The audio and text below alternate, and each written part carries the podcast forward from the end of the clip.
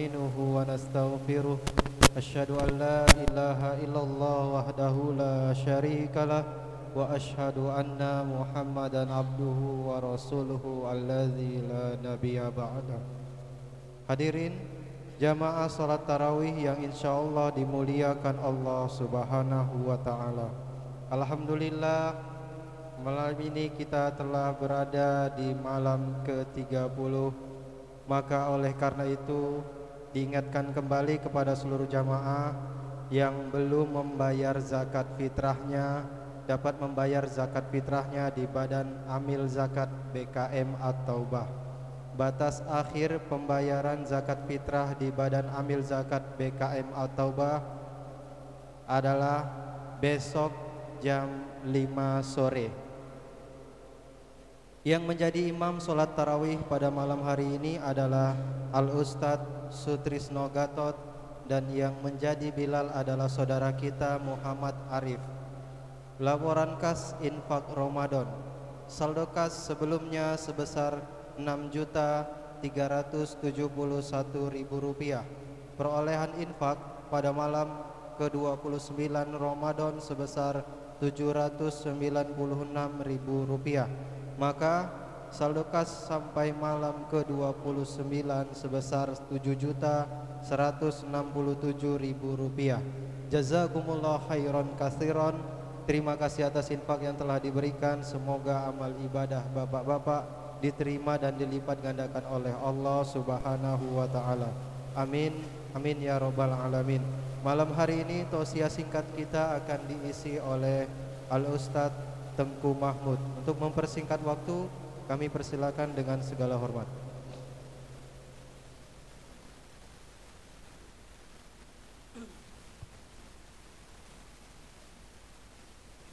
Assalamualaikum warahmatullahi wabarakatuh.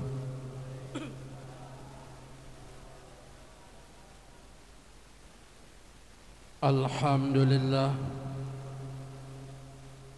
الحمد لله الحمد لله الذي أحيانا بالإيمان والإسلام والصلاة والسلام على سيدنا محمد وعلى آله وأصحابه يا نابع العلم والحكم أما بعد yang saya hormati kepada petugas yang piket pada malam yang berbahagia ini Yang saya hormati kepada pengurus DKM Yang saya hormati kepada seluruh jamaah salat tarawih pada malam yang berbahagia ini. Ma'asyiral muslimin sedang jamaah salat tarawih yang dimuliakan Allah. Tanpa terasa mungkin malam ini merupakan malam yang terakhir kita melaksanakan solat tarawih. InsyaAllah Mungkin malam besok Ramadan akan terbang Untuk meninggalkan kita semua Dan meninggalkan berbagai macam kenangan manis Dengan bulan suci Ramadan. Hadirin sedang jamaah salat tarawih yang dimuliakan Allah tersebut di dalam kitab Mukasyafatul Qulub merupakan satu kitab yang dikarang oleh Imam Ghazali. Di dalam kitab tersebut Rasulullah sallallahu alaihi wasallam bersabda La yadkhulul jannah. Tidak masuk surga illa rahim kecuali orang-orang yang penyayang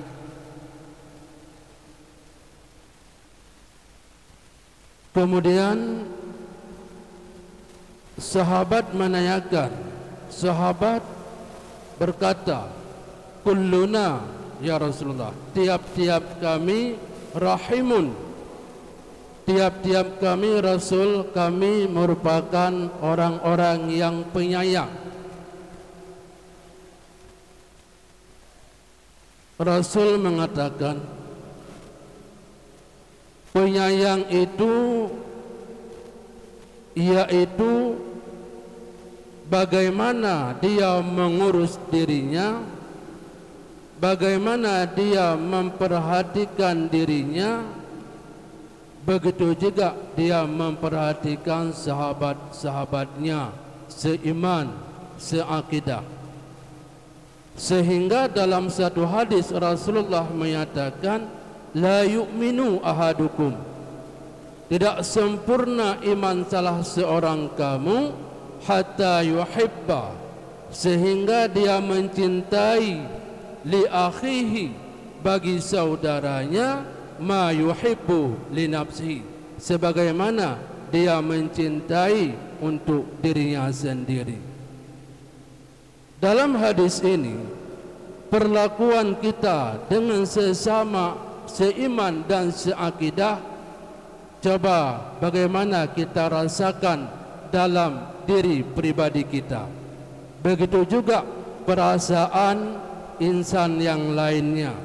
Walaupun dalam lagu telah dilakukan, perasaan insan itu sama. Hadirin sedang salat jamaah tarawih yang dimuliakan Allah. Al-Islam kal jasadil wahid. Islam itu umpama tubuh yang satu. Alhamdulillah kita bersyukur kepada Allah. Walaupun malam terakhir di sini salat tarawih masih diberikan kesehatan, masih diberikan kenyamanan, ketentraman. Namun coba kita lihat saudara kita seiman seakidah di Masjid Al-Aqsa bagaimana dibantai oleh teroris yang merupakan orang-orang Israel. Bagaimana ha, membantai orang-orang Islam yang lagi sedang salat tarawih. Coba kita bayangkan. Cuma Allah yang maha tahu cuma Allah yang maha penolong. Padahal coba kita bayangkan negara-negara Islam negara-negara timur kalau mereka bersatu untuk membantu Islam Pasti mereka berhasil. Jangankan seluruh dunia Timur Tengah saja bersatu orang Islam Israel tak akan berani Untuk mengobok-obok Masjid Al-Aqsa Merupakan masjid yang sangat bersejarah Merupakan masjid yang sangat suci Bagi orang Islam. Tapi perjanjian demi perjanjian Selalu mereka melanggarkan karena sampai akhirnya nanti masjid tersebut akan berhasil diruntuhkan dan itu merupakan tanda-tanda kiamat. Nauzubillah, summa nauzubillah. Hadirin sedang salat jamaah tarawih yang dimuliakan Allah. Kita masih bersyukur kepada Allah walaupun kita hati kita terasa apa itu terasa tidak enak, terasa sedih. Tapi bagaimana saudara kita seiman bagaimana saudara kita seakidah yang mampu doa yang kita kirimkan agar oleh Allah Zionis daripada Israel tidak terus menerus merusak tempat suci orang Islam di Masjid Al-Aqsa. Na'udzubillah summa na'udzubillah Ma'asyiral muslimin sedang salat jamaah tarawih yang dimuliakan Allah.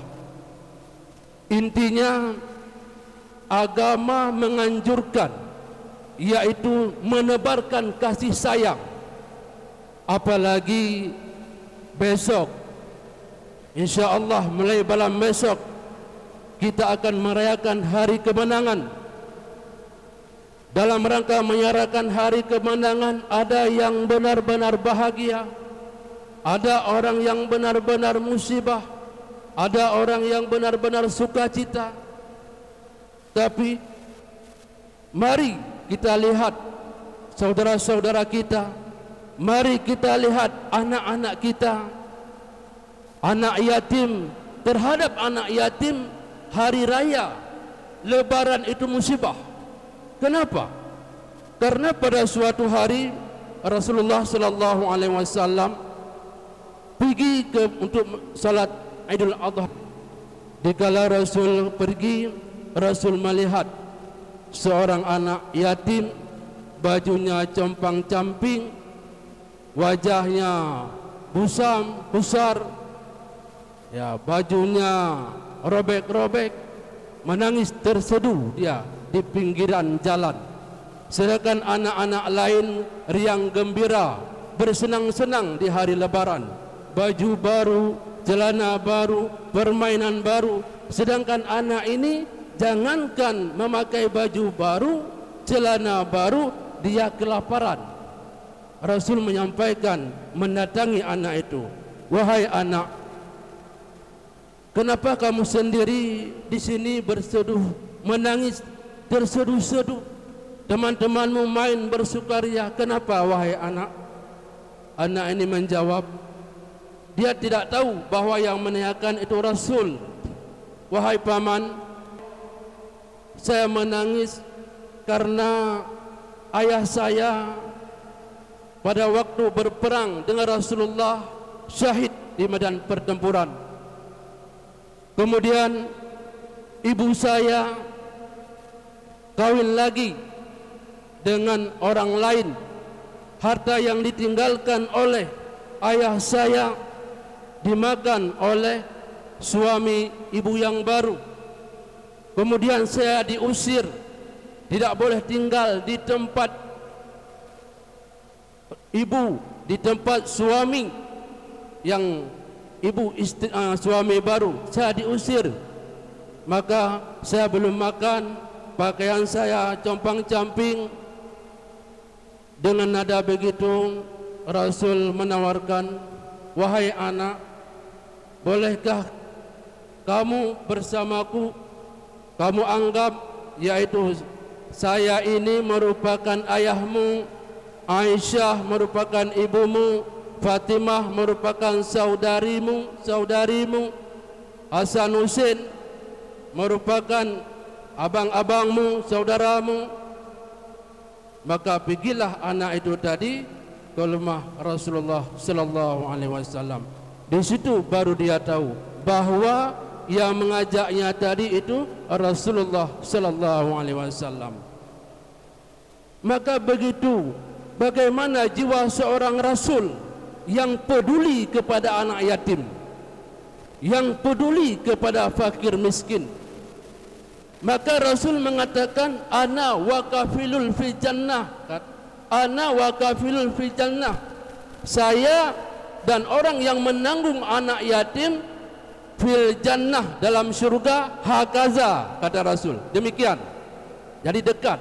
Orang yang menyantuni anak yatim dengan Rasulullah sallallahu alaihi wasallam di syurga dekat. Bagaikan tangan telunjuk dengan tangan di ini. Tengah. Ana wa kafilu fil jannah hakaza kata Rasul.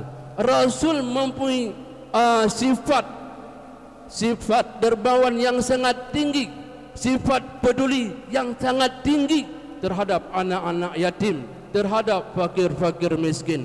Walaupun beliau seorang rasul tapi kepedulian sosial terhadap orang-orang yang tidak mampu terhadap anak-anak yatim beliau beliau sangat sangat peduli. Itulah agama yang dianjarkan oleh rasul kepada kita supaya di bulan satu syawal di bulan lebaran besok atau lusa lusa merupakan satu syawal cobalah kita terapkan yaitu jiwa kesosialan kita. Jiwa saling bantu membantu antara sesama Islam. Jiwa yaitu saling silaturahmi Sehingga Rasul mengatakan la yadkhulul jannah qati'u.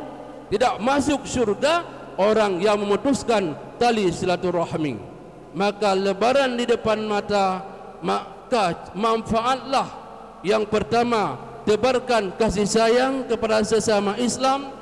Yang kedua peduli kepada anak-anak yatim. Walaupun kita di sini tapi mungkin ada saudara kita, teman kita, anaknya bagaikan anak hilang, dia di sini hilang, di sana pun hilang. Bagaimana perasaan seorang hamba Allah yang begitu? Di penjara dia hilang. Kemudian anaknya di luar juga hilang. Tidak ada yang mempedulikan. Bagaimana perasaan? Maka cobalah sikit demi sikit toleransi untuk membantu sesama Islam wujudkan lebaran ini merupakan mendapat kemenangan kemenangan di sisi Allah dan kemenangan di sisi hablum minanas amin amin ya rabbal alamin hanya sekian dan demikian hadanallahu wa ayakum ajmain wassalamu alaikum warahmatullahi wabarakatuh